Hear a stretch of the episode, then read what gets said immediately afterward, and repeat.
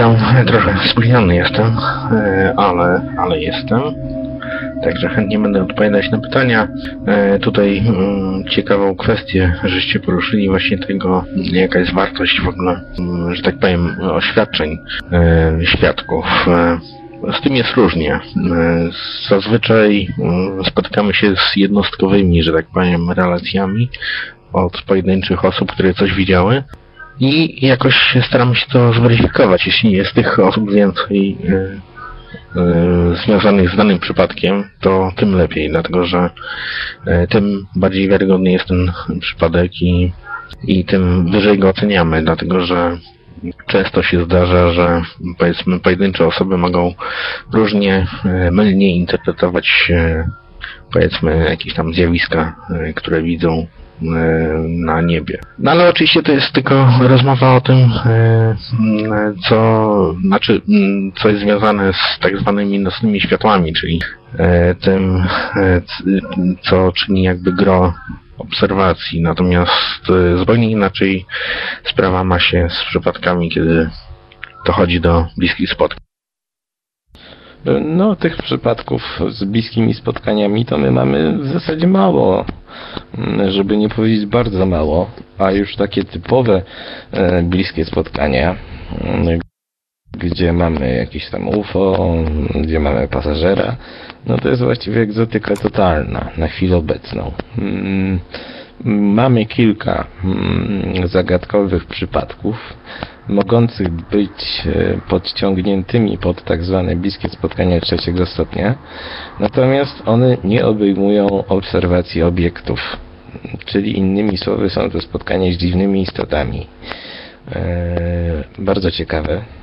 Natomiast ja zauważyłem, że może nawet od początku tego wieku w Polsce wiele osób, wielu tak zwanych badaczy za doniesienia o bliskich spotkaniach bierze historię typu paraliż senny, typu nocne odwiedziny.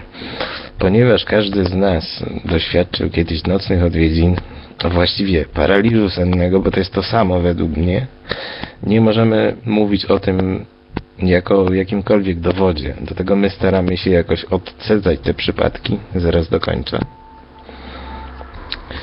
Eee, Jak mówiłem, mm, często pojawiają się relacje o, mm, od ludzi, którzy mówią, że w nocy wstali i widzieli na przykład zagadkową postać, która stoi w rogu albo się unosi. Najczęściej są to relacje, mm, no one się odbywają na pograniczu snu i jawy. Nigdy świadkowie nie są w stanie powiedzieć, e, na jakim e, etapie byli, tak? No niektórzy mówią, że a, na pewno byłem mm, świadomy. Ja do tego podchodzę bardzo, e, bardzo mm, podejrzliwie. E, Istnieje bowiem taki mm, e, kontaktowiec puław nagłośniony przez pewnego badacza, pseudobadacza i ten pan tak naprawdę ma jakieś tam zaburzenia senne, mm, barwne, bo barwne, omamy hipnagogiczne i na, na podstawie tych omamów, e, tych własnych iluzji stworzył on jakiś tam e, jakąś swoją własną historię w ogóle, jako osoby uprowadzonej. Mm, I właśnie tego musimy unikać. To znaczy zdarzają się tam e, raz na jakiś czas ciekawe mm, historie, jak na przykład o- opowieść Zarek Letniska z tamtego roku. Mm, No ale to jest zupełnie inna sprawa. Czy mówisz o kontaktowcu Arkadiuszu K? Nie, tutaj chyba Piotr mówił o panu Franciszku e, z Puław, natomiast Arkadiuszka to zupełnie inna sprawa. E, To kontaktowiec e, z Błoń, czy też z Błonia pod Warszawą, z którym miałem bezpośrednią styczność. No, muszę powiedzieć, że to była taka sprawa, z którą pierwszy, znaczy pierwszy raz miałem do czynienia z człowiekiem, który bezpośrednio mówił właśnie o takich tego typu sprawach E, i z wielkim szacunkiem do niego, bo e, człowiek bardzo sympatyczny interesujący. No muszę powiedzieć, że jest to kwestia, bym powiedział, bardziej e, psychologiczna, no, czy też e, być może e, jakichś e, no po prostu mm, e, dewiacji. Dlatego, że no, zdarzają się niestety tacy ludzie, którzy uważają, że e, mają kontakt z kimś tam, e, ale to się, e, że tak powiem, rozgrywa w ich e, przestrzeni e, świadomości, e, po prostu w ich mózgach. Natomiast trzeba pamiętać o tym. A dobrze, już Piotrek, proszę. Chyba cię podciąłem. Ja wczoraj bodajże rozmyślałem sobie o mm, takiej sprawie właśnie bardzo związanej z tym, co mówisz. E, okazuje się, że, że dzisiaj mamy mm, bardzo wiele osób, które twierdzą, że e, no tam kontaktują się z jakimiś innymi istotami. Na, nazwijmy je innymi istotami, nie, mm, nie, nie wchodźmy tu w szczegóły. I właściwie jako historyk ja często szukam sobie różnego rodzaju relacji. Mm, Te relacje można znaleźć głównie w książkach Jacques'a Valli. I one mówią o tym, że tu ten czy inny człowiek y, natknął się na taką istotę albo miał takie doświadczenie. Mm, Jeżeli osoba, która y, miewała takie doświadczenia, trafiła na podatny grunt, no to wtedy właściwie rodził się prorok. E, Dawniej był to prorok mm, religijny, był to mag, e, bo musimy pamiętać, że wielu z tych ludzi mm, funkcjonowało jako magowie, nie tylko w okresie, w okresie renesansu, ale i wcześniej. E, Natomiast dzisiaj, no dzisiaj kim jest taka osoba? Dzisiaj jest jakimś tam szaleńcem, który próbuje zwrócić na siebie uwagę. Ale tak naprawdę, kiedy spojrzymy na to z takiej dalszej perspektywy, to w zasadzie mamy do czynienia z jednym zjawiskiem. Zmieniło się tylko jego postrzeganie, tak? To znaczy, dzisiaj również funkcjonują UFO prorocy, to znaczy osoby, które mówią, że e, mają kontakt z jakimiś tam istotami, natomiast nie robią już takiej kariery. E, No weźmy na przykład takiego Mahometa. Kiedy przyjrzymy się tym jego relacjom, no to jest taki, e, prawda, rozdźwięk troszeczkę, bo z jednej strony spotyka się z jakimiś tam ludźmi, z drugiej strony słyszy w głowie głos istoty, która mówi do niego w liczbie, znaczy o sobie mówi w liczbie mnogiej. Mm, Ponadto jakieś różne dziwne incydenty. No wszystko to pasuje górą do historii jakiegoś właśnie tam kontaktowca. Gdyby taka księga powstała dzisiaj, to chyba nie zrobiłaby jakiejś wielkiej kariery. E, Dlatego to jest bardzo skomplikowane.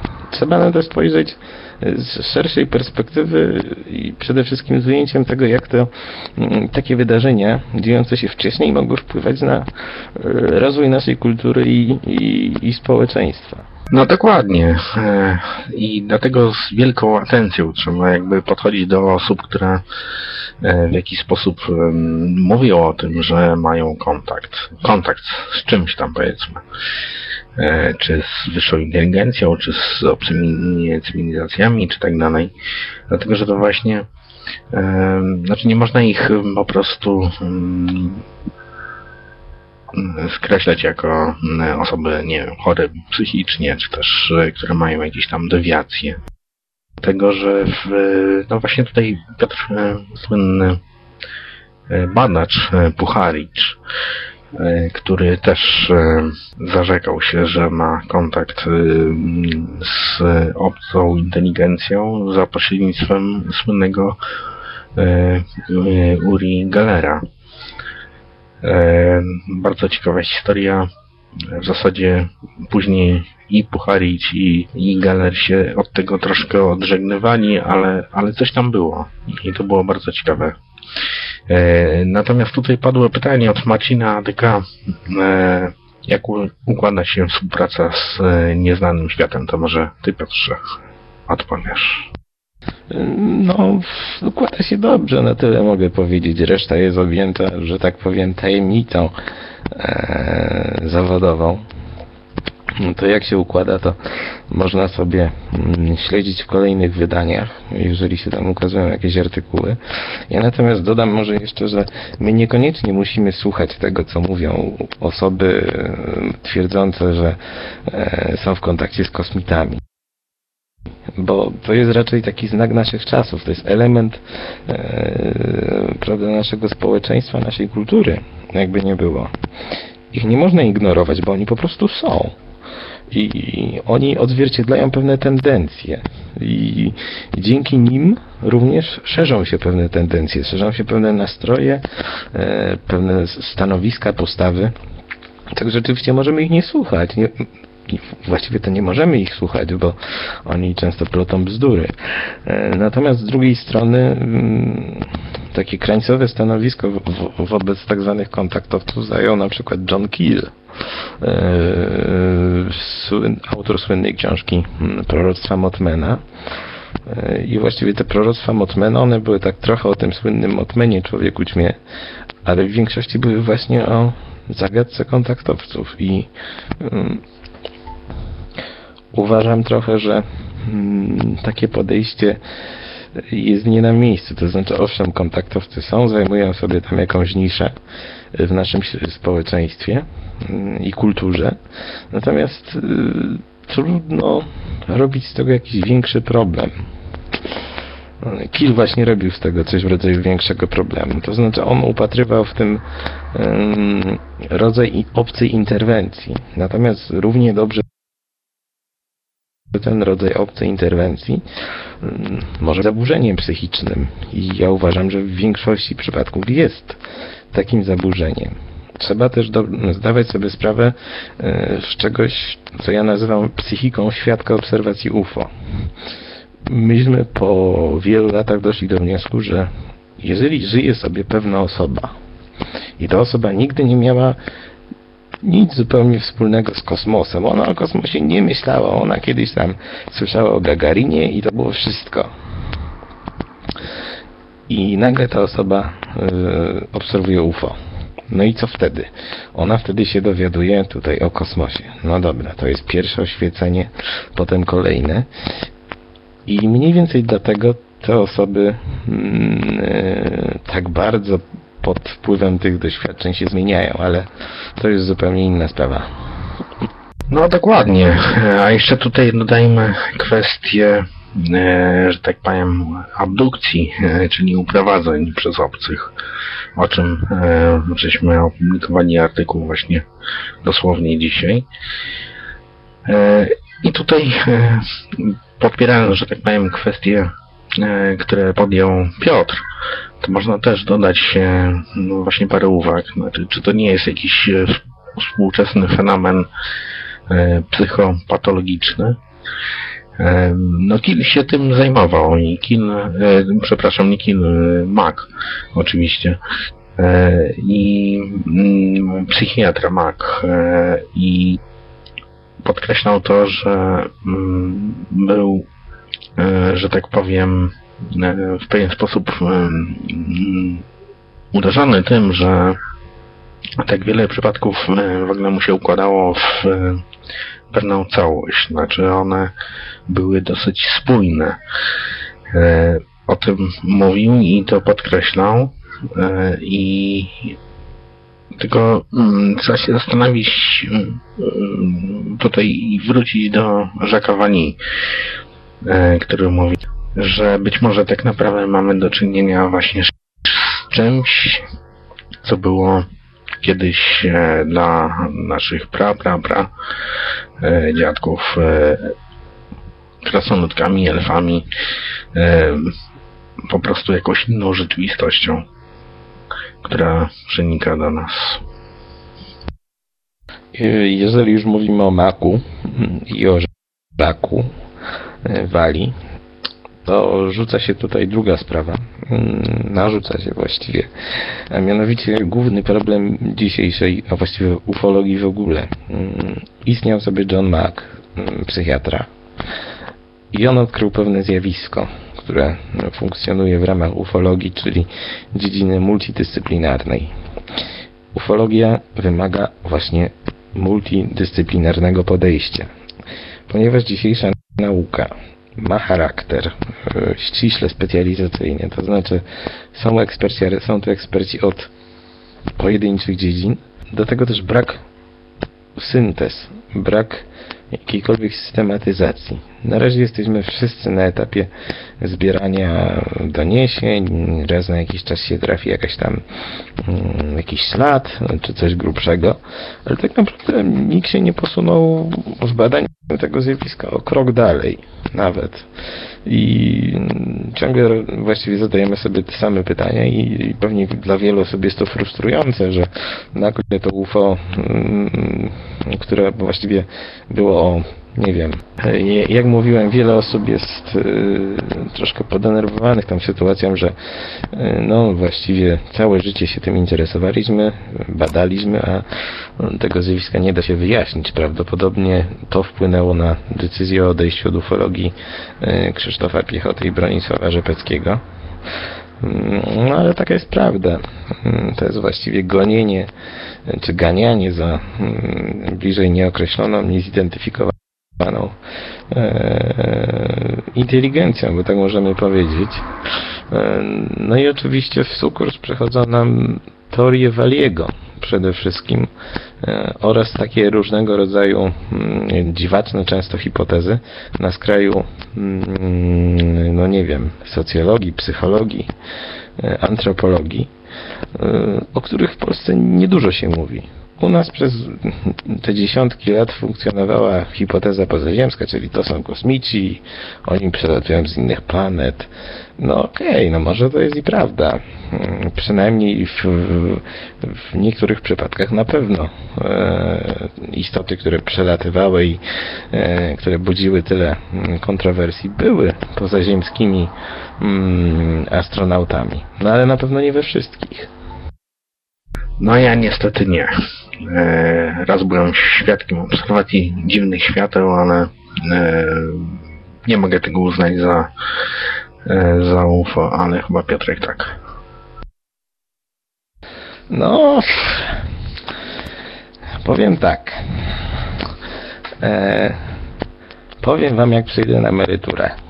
Znaczy ja tylko powiem, że mm, e, tak, no ja miałem raz do czynienia z e, czymś, czego nie mogłem wyjaśnić i tego rodzaju film jest e, zresztą nakręcony mm, przeze mnie. No cóż, niektórzy mówią, że to jest Wenus, inni mówią, że to coś innego. Dla mnie to było po prostu UFO. Można ten film znaleźć bodajże na naszym kanale YouTube, a jeśli nie, to w każdym razie na forum paranormalne.eu. Ale właśnie, e, znaczy światła, e, różne dziwne mm, zachowania, że tak powiem, gwiazd, e, faktycznie mogą przyprawiać o zdziwienie człowieka, ale najbardziej niesamowite są spotkania z obcymi istotami. A takie mieliśmy w Polsce. I ja miałem przyjemność i swego rodzaju mm, zaszczyt e, rozmawiać z osobą, która przeżyła spotkanie właśnie z taką istotą. Mówię tutaj o przypadku e, z 2004 roku z Koniewa. To jest taka mała miejscowość pod Lidzbarkiem Warmińskim.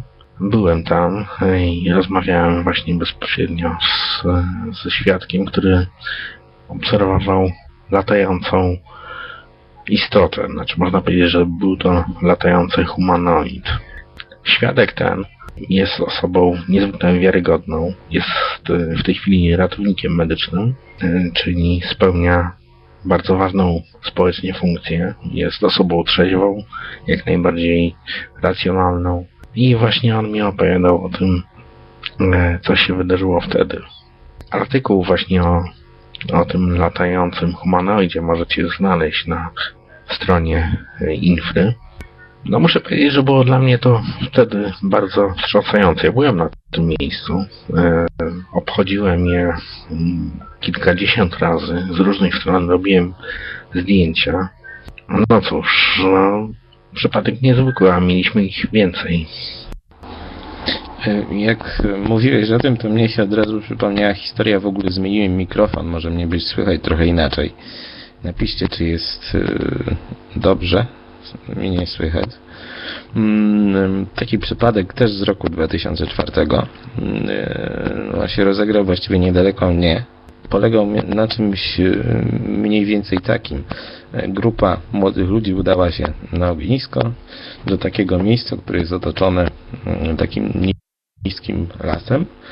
No i nagle zobaczyli tam przy, przy drzewie e, zagadkową postać, właściwie samą głowę dziwnej postaci, białą głowę. No i ona była tak dziwnie umiejscowiona, bo wyglądała tak jakby mm, wystawała za drzewa. No i oni tutaj mieli taki troszeczkę problem w ocenie, bo okazało się, że ten e, ufoludek tak zwany, mm, on się krył za drzewem tak jakby, no ale nie było widać jego korpusu, żeby nie powiedzieć dubska. To znaczy była sama głowa, a reszty nie było. No oczywiście ja tutaj troszkę, troszkę poszedłem, podszedłem do tego yy, sceptycznie, no bo z, przebywając na miejscu zauważyłem, że yy, w ciemności oni by mieli spore problemy nawet z dostrzeżeniem tego, te, tego korpusu. W każdym razie rzeczywiście takie historie jak e, bliskie spotkania trzeciego stopnia no są zastanawiające, na pewno, tylko to są, jak mówiłem, musimy brać pod uwagę tylko te historie, które zdarzają się w normalnych stanach świadomości, nie tam e, hipnagogi, hipnopompi, e, czy w nocy, podczas snu, tylko o czymś realnym. Musimy też odrzucać przypadki, które są opowiadane przez osoby typu Lech Haciński, który również w 2004 roku, no jeżeli dobrze pamiętam, wyskoczył z historią, że na mm, drodze spotkał jakichś tam kosmitów. No nie, trzeba powrócić pamięcią do, do Jana Wolskiego, do, do tych przypadków i zadać sobie pytanie też, dlaczego w tamtym okresie e, było ich dużo.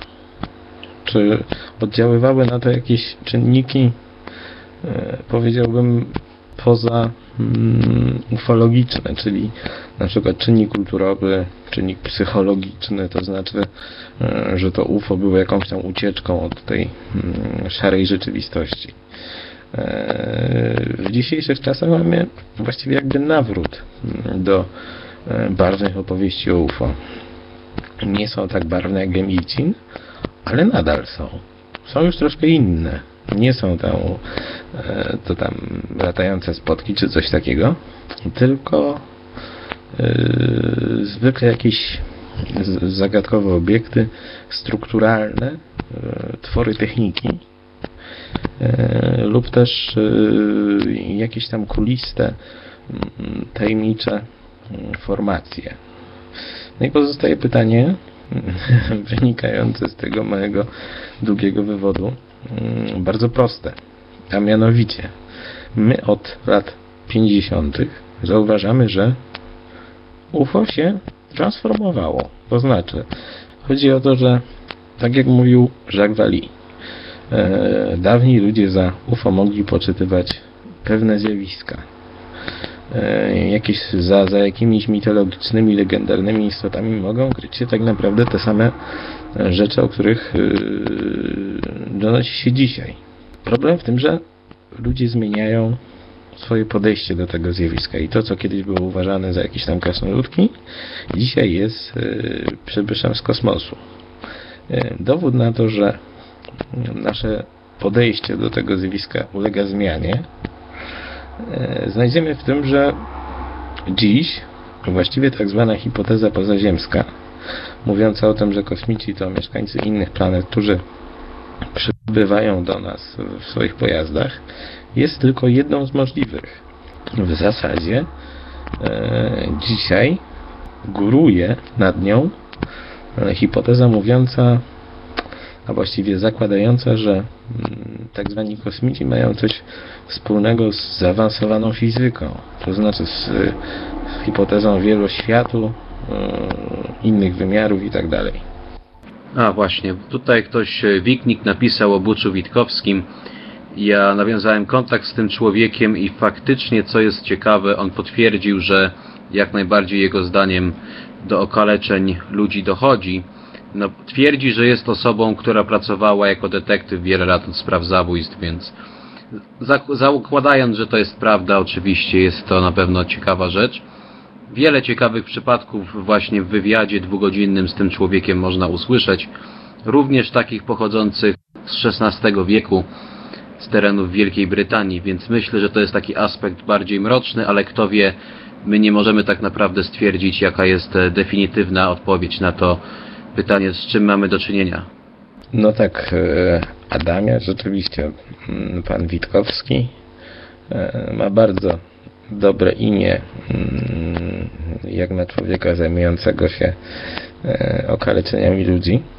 A ja mimo wszystko podchodzę do tych spraw dość sceptycznie, bo mm, podczas gdy człowiek jako tako nie monitoruje tej przestrzeni wokół siebie oficjalnie, to tak naprawdę przypadki morderstw, makabrycznych morderstw, y, no już są częściej wykrywane.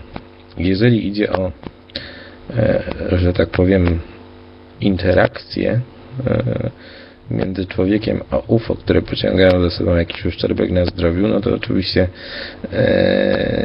przypadek Michalaka, czy cała seria przypadków w Brazylii.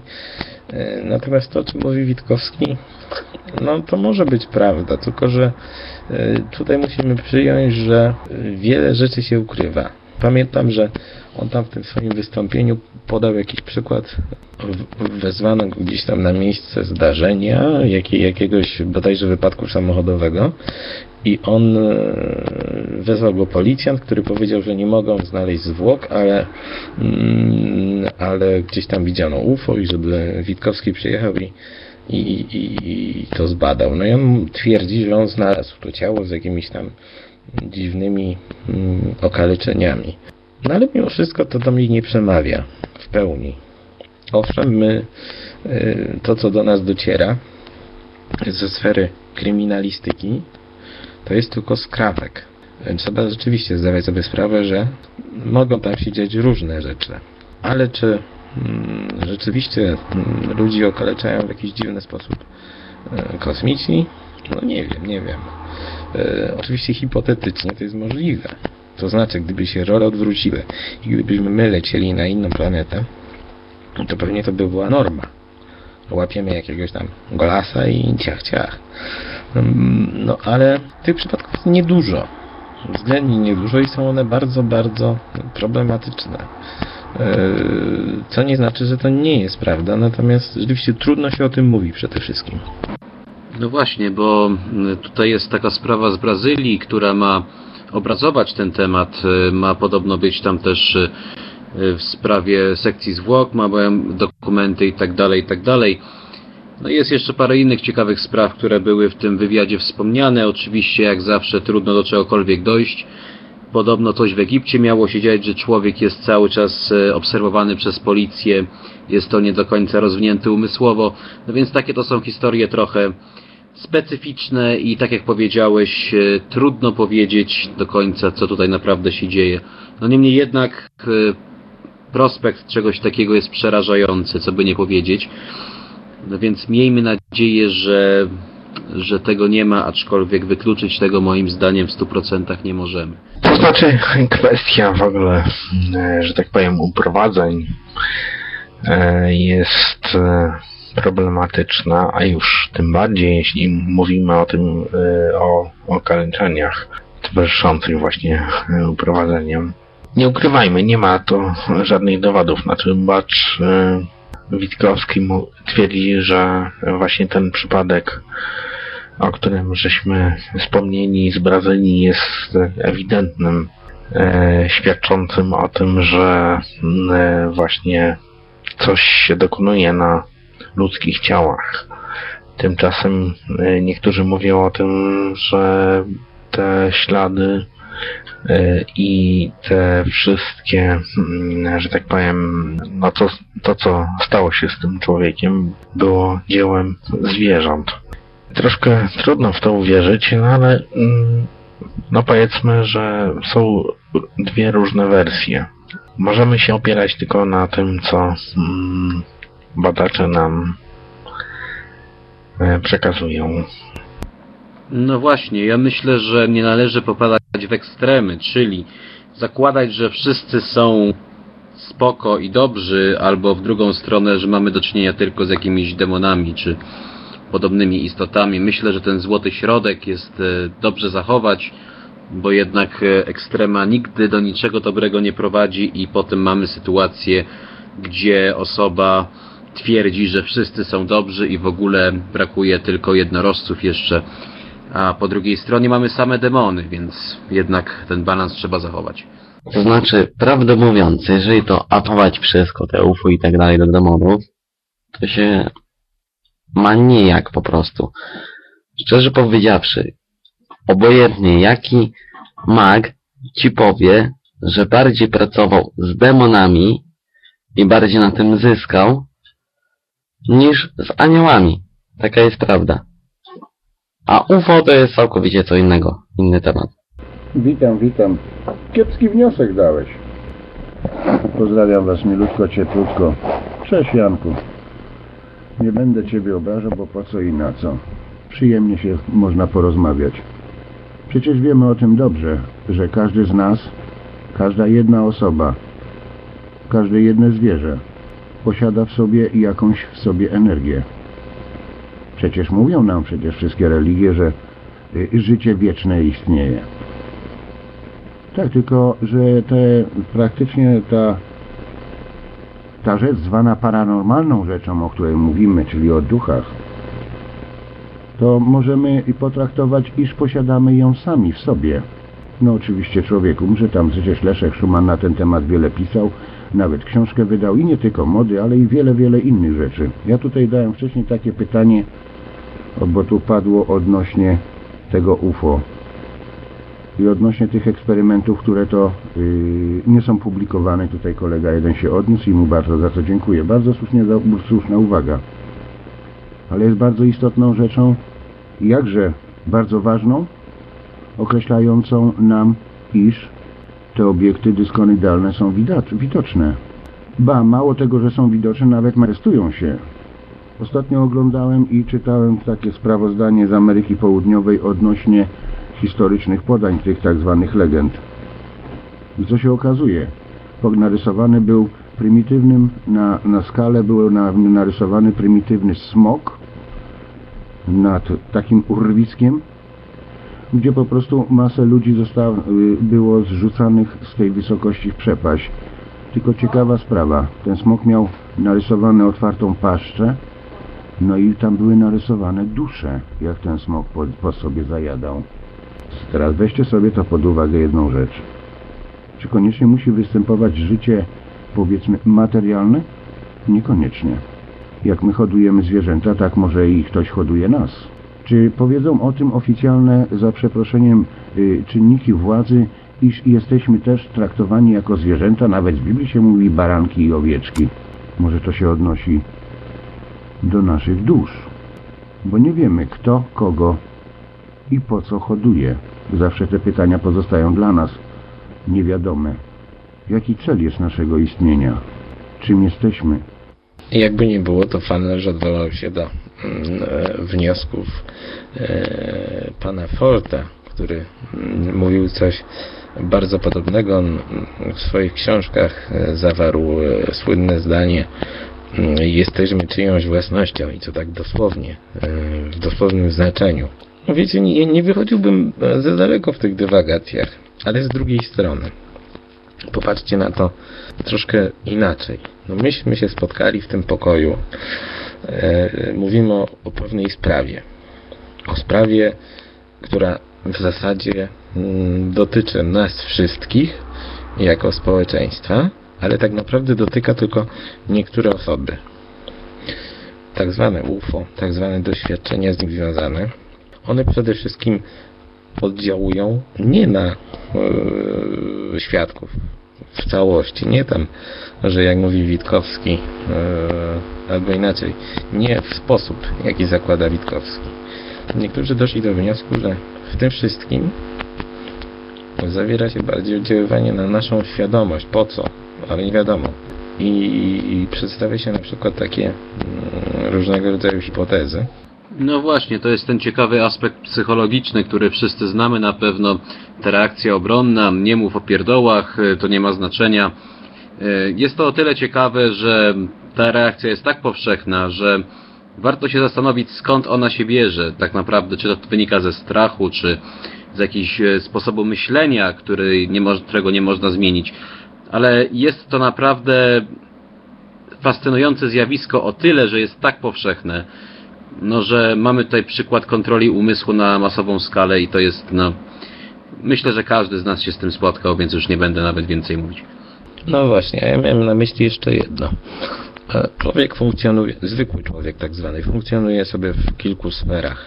Taką najwyższą, najbardziej oficjalną sferą, z jaką się spotyka, to jest sfera, dajmy na to państwowa, czyli konieczność zmagania się z e, różnego rodzaju mm, urzędami i tak dalej.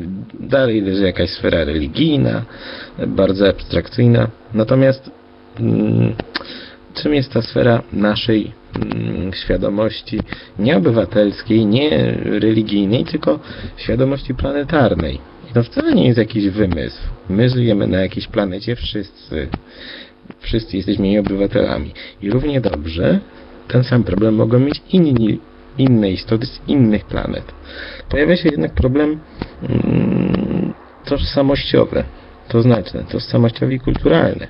Większość ludzi nie jest nastawiona nawet do myślenia, czy y, zdawania sobie y, sprawy z problemów, o jakich my tu mówimy. Innymi słowy, no latają gdzieś tam istoty, jakieś ktoś tam spotyka się z czymś w lesie, ale większość ludzi musi myśleć o swoim dniu codziennym, o jedzeniu, o mm, pracy, o dzieciach i tak dalej. Dopiero gdzieś tam sprawy ufologiczne są na ostatnim miejscu. Hmm. Jedynymi, którzy mogą sobie pozwolić na myślenie o takich rzeczach są naukowcy. No ale wszyscy wiemy, jak nauka wygląda. Hmm. Ja miałem trochę wspólnego z, z tą sferą i ona mi się wcale nie podoba. Nawet powiem więcej, bardzo mi się nie podoba. Jeżeli to będzie tak dalej trwać, to my nigdzie nie dojdziemy z takim nastawieniem, jakie proponuje obecna nauka. No i gdzie my? Gdzie my jesteśmy? My jesteśmy w pewnej luce świadomościowej. To znaczy, to, że wykonaliśmy jako ludzkość kilka kroków w kosmos, to jeszcze nie uprawnia nas do tego, żeby czuć się władcami kosmosu. E, My jesteśmy dopiero na jakimś wstępnym etapie mm, pojmowania tego wszystkiego. Tego to jest po prostu za duże. Tego jest za dużo. My jesteśmy jak mrówki, które żyją sobie w kopcu, a nasza świadomość nie jest dopasowana po prostu jeszcze do myślenia o pewnych sprawach. Dlatego to tak trudno przyjąć. Zaraz. Y, Ja bym się z jednej strony y, w takim ogólnym tego słowa znaczeniu z Tobą zgodził. Niemniej y, musi, trzeba wziąć, iż twórcy, którzy stworzyli człowieka, ograniczyli go w pewnych, powiedzmy, zmysłach, jakże odzownych i nieodzownych z racji przewidywania, jak i postępowania, czyli tej pełnej świadomości. Się zgodzę z tym odnośnie hodowania i odnośnie tych kopców. Niemniej przyroda też zrobiła małe, jak to się mówi, hopsztos. Hopsztos, inaczej mówiąc, niespodziankę. Że znalazły się osobniki, które po prostu nie pasują do ogólnego zarysu społeczeństw. Nawet ze sfery genetycznej. To, że jesteśmy ograniczeni, to nie znaczy, że już musimy być y, bardzo, y, bardzo prymitywni. Ja się z tym nie zgodzę. Nie byłoby rozwoju technologicznego, nie byłoby rozwoju intelektualnego z racji przemiany materii. I tutaj odnośnie tych obcych, o których mowa jest i o których wspominasz, zdają sobie z tego sprawę nie miliona ludzi, ale siedmiu miliardów. A to jest odpowiedzialność.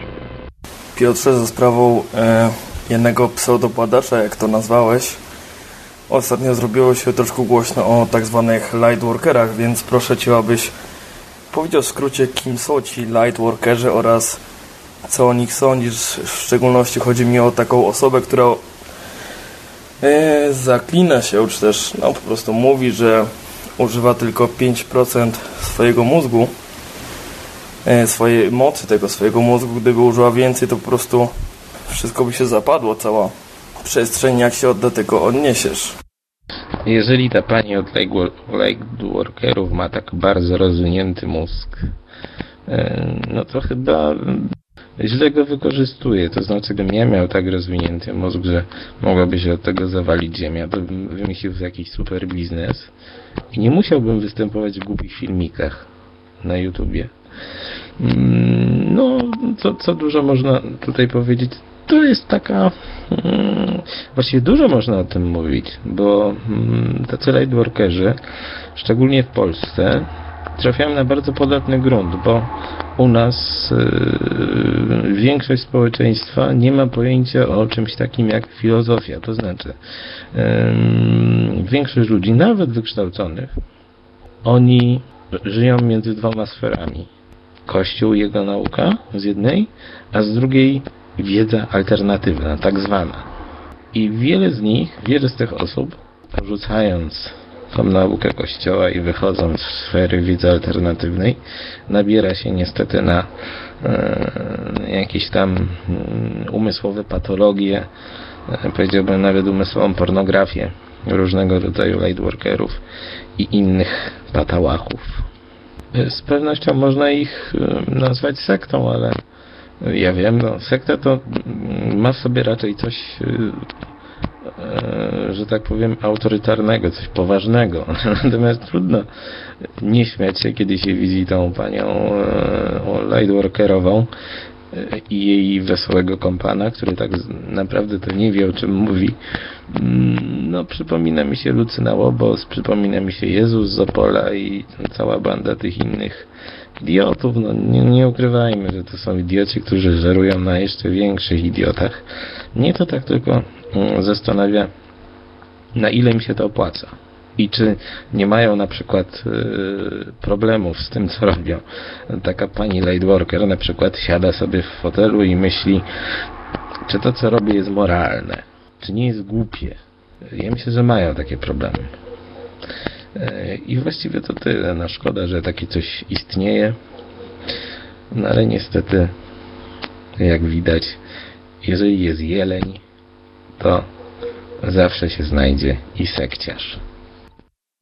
Zostawmy te poroże, bo nie jeden z nas takowe miał, jakby młodym człowiekiem zmieniał, jak to się mówi, jak rękawiczki, powiedzmy. Ale ja wrócę tutaj do tematu bardzo drastycznego tych, tych wszystkich relacji odnośnie spotkania trzeciego stopnia. A jest tego trochę. I też szukałem, szukałem nawet, nieważne, w innych językach też starałem się czytać i słuchać i analizować poszczególne te relacje. I tutaj wrócę ponownie do tak zwanym wielkim pytaniem, bo nikt mi nie odpowiedział na te pytanie jeszcze. Wiele forów y, odwiedzałem i żadnego wniosku nikt nie wyciągnął, a mianowicie takie. Jaką technologię posiadają aliens, że, że człowiek staje się podatny na ich oddziaływanie wbrew jego woli? Takie pytanie dałem. Jeśli możesz, Ryszard, czytałeś na pewno też i na pewno też chyba doszedłeś do takiego wniosku. Zawsze następuje tak zwane przerwanie filmu, no powiedzmy w tym mózgu. No to różne przypadki były zresztą, opisywałeś. Tak, oczywiście dochodzi do, że tak powiem, utraty czasu. No ale tutaj Fallerz zadałeś ciekawe pytanie i myślę, że można na tym się skupić przez jakiś czas. E, mam nadzieję, że Piotrek po tym, co ja powiem, doda mm, parę słów od siebie, ale moim zdaniem tutaj mamy do czynienia e, z klasycznym przypadkiem swego rodzaju przeżyć, które można określić jako fobii. Znaczy, każdy boi się wbijania strzykawek, każdy boi się przecinania skóry skalpelem. E, każdy boi się tego, że e, ktoś będzie penetrować jego, e, no cóż, te najbardziej intymne miejsca. I właśnie to jest najciekawsze w tym wszystkim. Dlaczego to wszystko się, mm, że tak powiem, kumuluje wokół miejsc, które można powiedzieć z, są związane z naszą, powiedzmy wprost, e, po prostu z tym, że jesteśmy e, osobnikami, które się rozmnażają, więc ewidentnie widać, że e, w tych relacjach, które napływają, te niby osobniki, które są z zewnątrz, interesują się bardzo tym właśnie, w jaki sposób się rozmnażamy. A no właśnie, a jeżeli już tak e, mówimy o odpowiedzi na to pytanie Fenlerza, no cóż, no ja nie mogę powiedzieć jaki to jest rodzaj technologii, jaką wykorzystują, bo no nikt tego nie wie. Mm, Natomiast mogę dać przykład. Mm, Gdybyśmy my na przykład e, jako ludzie XXI wieku mm, wyposażyli się w dajmy to kamery, kamery aparat, e, kilka takich nowych gadżetów, albo inaczej, gdyby mm, nagle współczesny amerykański żołnierz e, zjawił się pod Grunwaldem, to szok byłby wielki, zapewne. Być może podobnym szokiem jest zetknięcie się świadków z bardzo zaawansowaną technologią podczas tak zwanych bliskich spotkań. My no nie możemy stwierdzić, co tak naprawdę odpowiada za ten efekt wyłączonej świadomości, czy zmienionej świadomości. To jest bardzo trudne. Mm, Mi powstało na ten temat wiele hipotez. Mm, Natomiast y, można oczywiście dywagować, y, co to powoduje, jakie to rodzaje pola, jakie oddziaływania. Natomiast nie wiem, na ile jest to miarodajne. Ja ci powiem, przepraszam bardzo, że mówię na ty, ale y, jeżeli obraziłem, to przepraszam. Ja sądzę y, i wyczytałem taką jedną pracę jednego naukowca, który pracuje, y, pracował w Instytucie Francuskim nad tak zwaną bronią psychologiczną. Chodzi o oddziaływanie częstotliwości częstotliwości na y, poddźwiękowej. No i oczywiście tam by, był to ten facet, prowadził te eksperymenty i w takim określił takie stwierdzeniu, bo było podobne pytanie dane na jednej z konferencji, którą to sobie zachowałem. No, podam później. Albo zaraz, jak, jak tylko jak skończę. Otóż facet powiedział, wiecie jak wygląda laser? Wiecie doskonale, punkt świetny, prawda, pięknie, ładnie pokazuje, nawet niesie nieźle. Podobnie jest i tak samo skupienie wiązki częstotliwości. Bardzo, bardzo, do takiej samej wielkości, nawet i mniejszej, jak y, lasera, które to oddziałuje na korę mózgową. W szczególności ten główny paździerz, co powoduje, iż człowiek nie traci przytomności i jest żywy, ale nie może zrobić żadnego ruchu. Otrzymuje tak zwany manualny paraliż. Ostatnio też i wyczytałem, że amerykańskie y, laboratorium gdzieś tam w Ameryce, też tak po angielsku zresztą, pracują właśnie nad podobną bronią psychotronową, jeśli chodzi o tak zwane demonstracje, jak zapobiec tym demonstracjom i starciom. Nawet pokazany został specjalny y, wóz y, z takim, powiedzmy, z taką dyszą, która nakierowuje i oddziałuje mm, często odpowiednią częstotliwością na, y, na demonstrantów. Oczywiście pierwszy efekt, jaki wychodzi z tego, to jest tak zwany strach. Albo ludzie po prostu zostają odrzuceni, a niektórzy, ci co nie będą, y, co są bardzo podatni, po prostu stają w miejscu, tak jak jest to w opisach spotkań trzeciego stopnia. Ja wiem, czy to nazwać można emocją pierwotną i ja bym tego nie powiedział. Ja bym powiedział, odpowiedni strumień takiego działania częstotliwości może, spo, może spowodować, iż człowiek stanie się po prostu bezradny pod każdym względem. Ba, nawet i czas jego zostaje zatrzymany. Po, po zniesieniu wyżej wspomnianego oddziaływania po, po 30-40 sekundach człowiek odzyskuje przytomność. No fakt, coś takiego może być możliwe. Natomiast póki nie będziemy tego wiedzieć na 100%, możemy sobie tylko snuć dywagację. Ja bym raczej zwrócił uwagę na to, dlaczego tak się dzieje, dlaczego mm, ci świadkowie muszą być u, e, unieruchamiani na przykład. No i tutaj wydano takie, mm, taki wniosek, że to unieruchomienie podczas bliskich spotkań to jest dlatego, że e, no, ludzie mogą się różnie zachować i mogą potencjalnie skrzywdzić jakiegoś tam mm, agresora z kosmosu. No ale tak naprawdę to, to nie zawsze występuje, tak? E, bo to występuje nie tylko podczas bliskich spotkań, ale podczas zwykłych obserwacji. Mm, kiedy jakiś tam obiekt porusza się w oddali, świadkowie mówią o jakimś wpływie, tak? E, a z drugiej strony mamy Jana Wolskiego, który mm, e, w ogóle nie był poddany żadnemu oddziaływaniu, a znalazł się najbliżej jak się mógł znaleźć. Czyli mm, w kwestii Mm, psychologicznej te zdarzenia z paraliżem, z oddziaływaniem na psychikę świadków, one mają zupełnie odrębny charakter. Mm, powiedziałbym, że one nawet łączą się w jakiś sposób z e, tymi pradawnymi relacjami, e, o których pisał Wali i nie tylko, ale czas mi się kończy.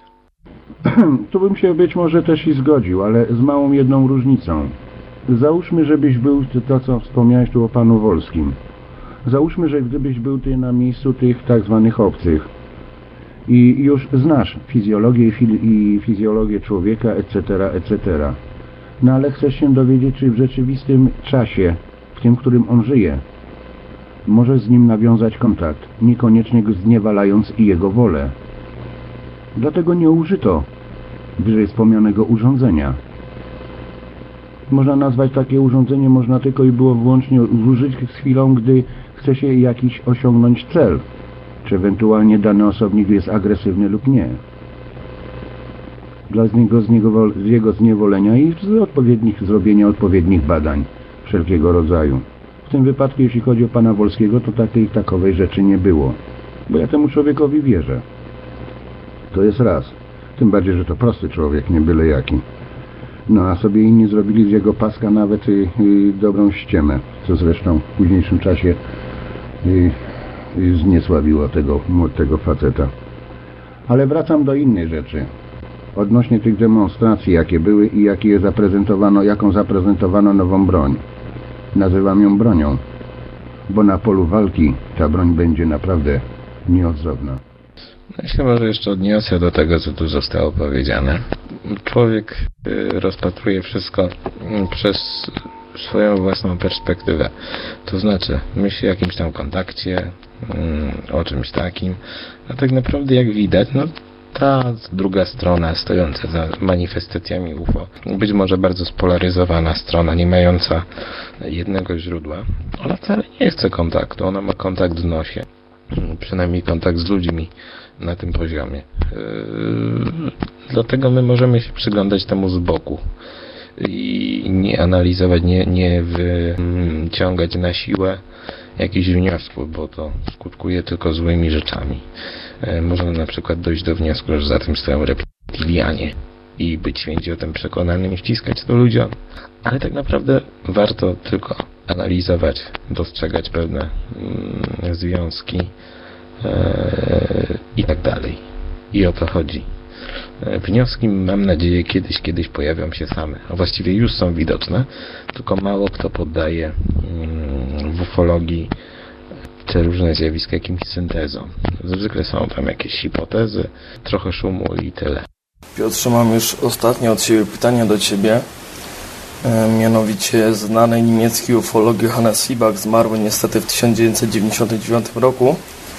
E, w swojej książce Znaki na niebie, napisanej wraz ze swoim bratem Peterem Fibagiem, przedstawia m.in. swoje argumenty nawiązujące do objawień maryjnych w Fatimie. E, według niego mogły te objawienia mogły być po prostu kontaktem z pozaziemską inteligencją. Jak do tego byś się odniósł? No fakt. Tutaj Fibagowie byli jednymi tylko z badaczy, którzy wysuwali takie wnioski. Ja jestem zwolennikiem opcji, że większość. Tak objawień maryjnych to są jakieś formy kontaktu z inną inteligencją. to nie są objawienia maryjne. Tam nie występują elementy religijne. To znaczy, one są podciągane pod kwestie religii, one są ubierane w szaty religijne, natomiast jądro tych zdarzeń jest y, zupełnie inne. No ale tu niestety sobie trzeba by było przeanalizować pracę Fernandesa i Fibagów, dlatego że trudno to zawrzeć wszystko w, jednym, w jednej wypowiedzi. No może podam kilka przykładów. Jeżeli chodzi o Fatimę, to trzeba odróżnić Fatimę stworzoną przez Kościół od Fatimy realnej. Fatima realna rozegrała się w ciągu tych kilku miesięcy i była szeregiem objawień, e, spotkań właściwie z zagadkową istotą, która nie przypominała wcale Marii. Oryginalne relacje e, fatyńskich świadków mówią o tym, że ta istota wyglądała jak kobieta w takim dziwnym nakryciu głowy, w takiej jakby pikowanej kufajce. Tak można to najlepiej odnieść, określić. No i co ciekawe, tam był cały szereg innych anomalii. Nie tylko ten słynny cud słońca, ale i inne.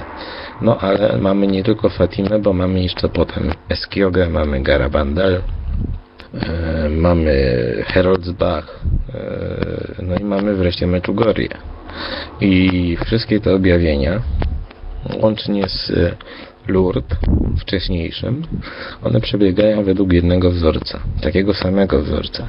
Ta strona, która rzekomo jest e, niebiańska, która ma pochodzenie niebiańskie, która jest uznawana za Maryję, ona nigdy nie Mm, zachowuje się w sposób taki, jakby chciał Kościół.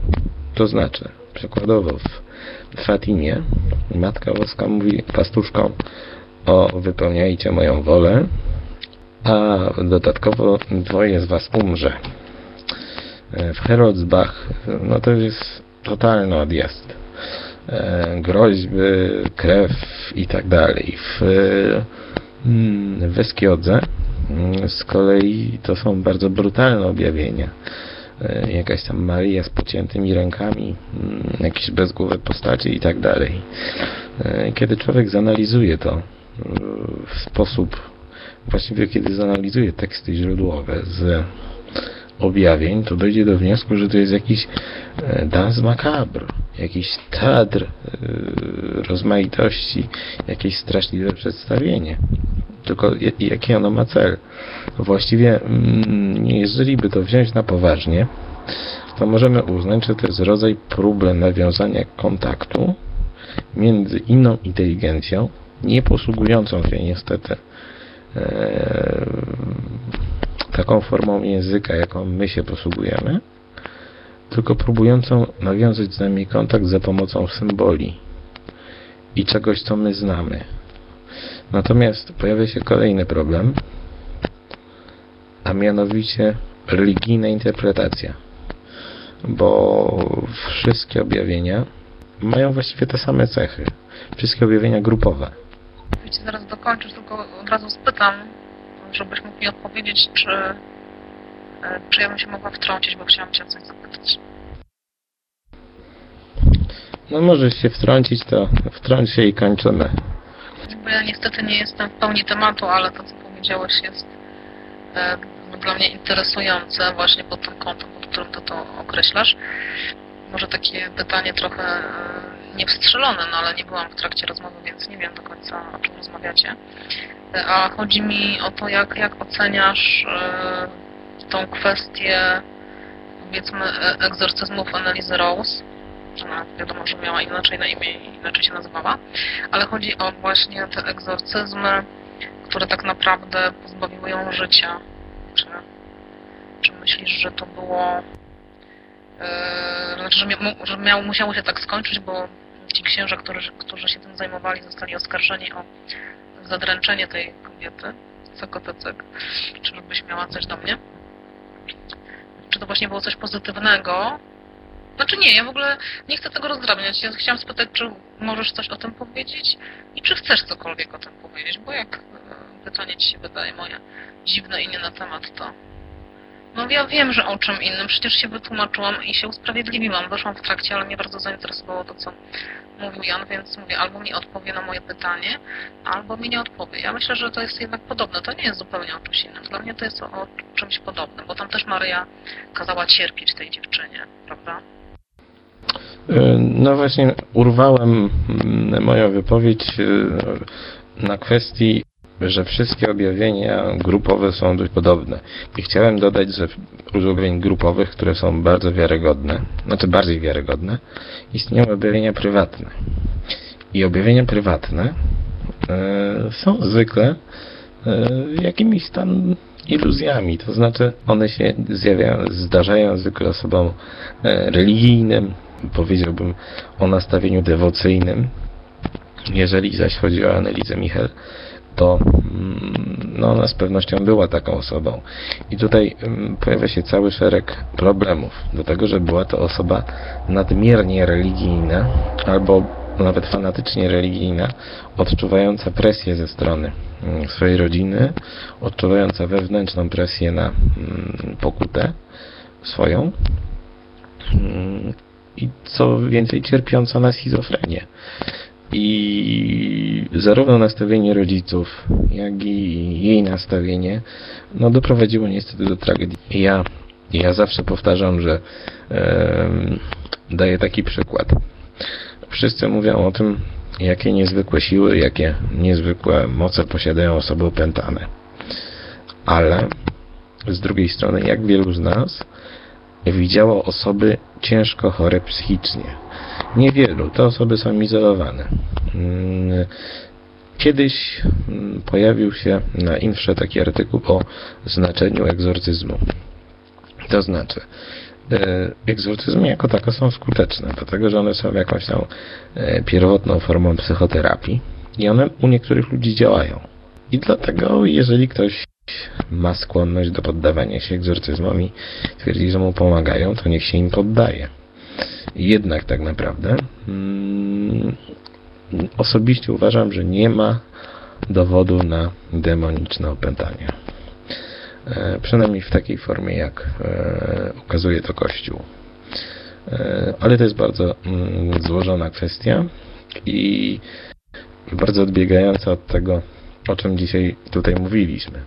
Także jeżeli chcecie porozmawiać o egzorcyzmach, to można kiedyś zorganizować o tym osobny czat, a ja chciałbym podziękować za dzisiejsze spotkanie i powiedzieć wszystkim do zobaczenia.